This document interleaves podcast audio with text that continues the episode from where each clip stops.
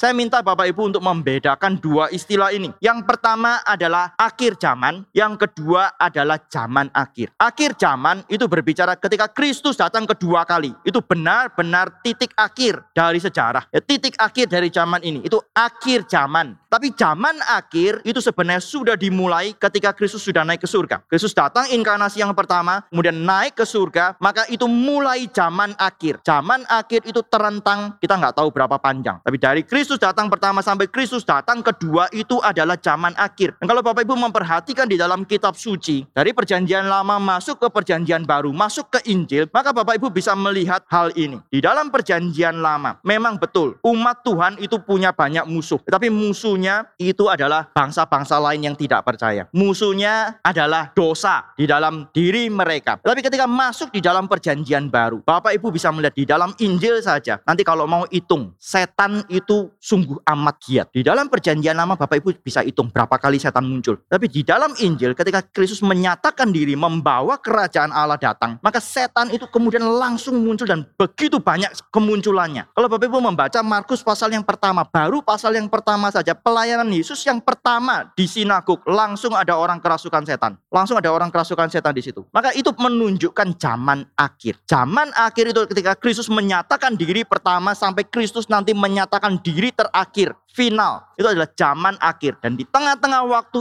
ini setan pun tahu waktunya tinggal sedikit. Setan tahu kalau Kristus ini sudah menyatakan diri, waktu dia hanya sisa sedikit, maka dia makin giat. Bapak Ibu menjadi satu peringatan bagi kita. Kita juga sering begitu kan ya di dalam hidup kita ya, khususnya para mahasiswa ya. Kalau sudah bekerja mungkin juga ada begitu ya, kalau ada proyek dan lain sebagainya. Tapi kalau mahasiswa ini menjelang ujian akhir semester. Kalau sudah mau menjelang ujian akhir semester, deadline paper dan lain sebagainya, wah itu ya sudah mendekat waktunya tinggal sedikit, maka pasti lebih giat. Gitu. Kalau waktunya masih panjang, masih santai, nggak apa-apa, masih ada waktu. Terus pikir seperti itu. Tapi waktunya tinggal sedikit, sisa semalam saja untuk belajar, sisa semalam saja untuk selesaikan paper, maka itu pasti usaha jauh lebih banyak. Setan itu tahu, ketika Kristus sudah menyatakan diri, waktunya tinggal sedikit, maka dia sangat giat. Bapak Ibu bisa membaca perjanjian baru, berapa sering setan itu muncul. Ini saya bukan bicara tentang satanologi, tapi kita harus melihat kalau setan punya kepekaan kepekaan seperti ini. Harusnya kita orang percaya juga punya kepekaan seperti ini. Kalau setan peka bahwa waktunya tinggal sedikit, kenapa kita gereja? Kenapa kita orang Kristen santai sekali? Kenapa kita orang Kristen rasa masih lama, masih panjang, waktu masih banyak? Tidak ada sesuatu yang mendorong kita untuk kita mengejar waktu. Ini adalah satu peringatan. Rasul Yohanes mengatakan waktu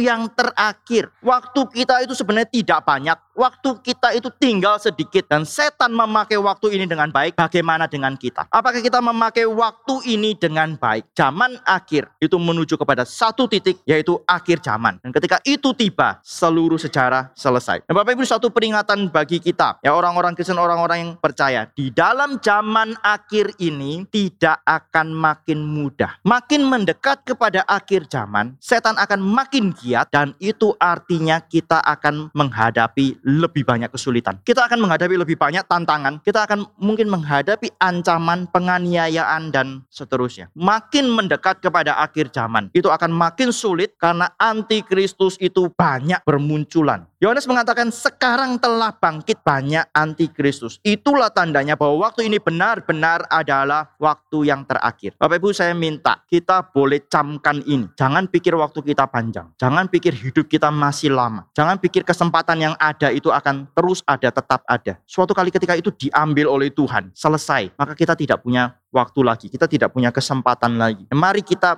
berpikir dalam hal ini, mari kita berpikir seperti setan. Waktunya pendek, sisa sedikit. Kita harus lebih giat, makin lama makin giat. Bapak Ibu ini sudah hampir akhir tahun. Minggu depan sudah ganti bulan kan ya. 2018 sudah mau selesai. Saya mau tanya Bapak Ibu 2019.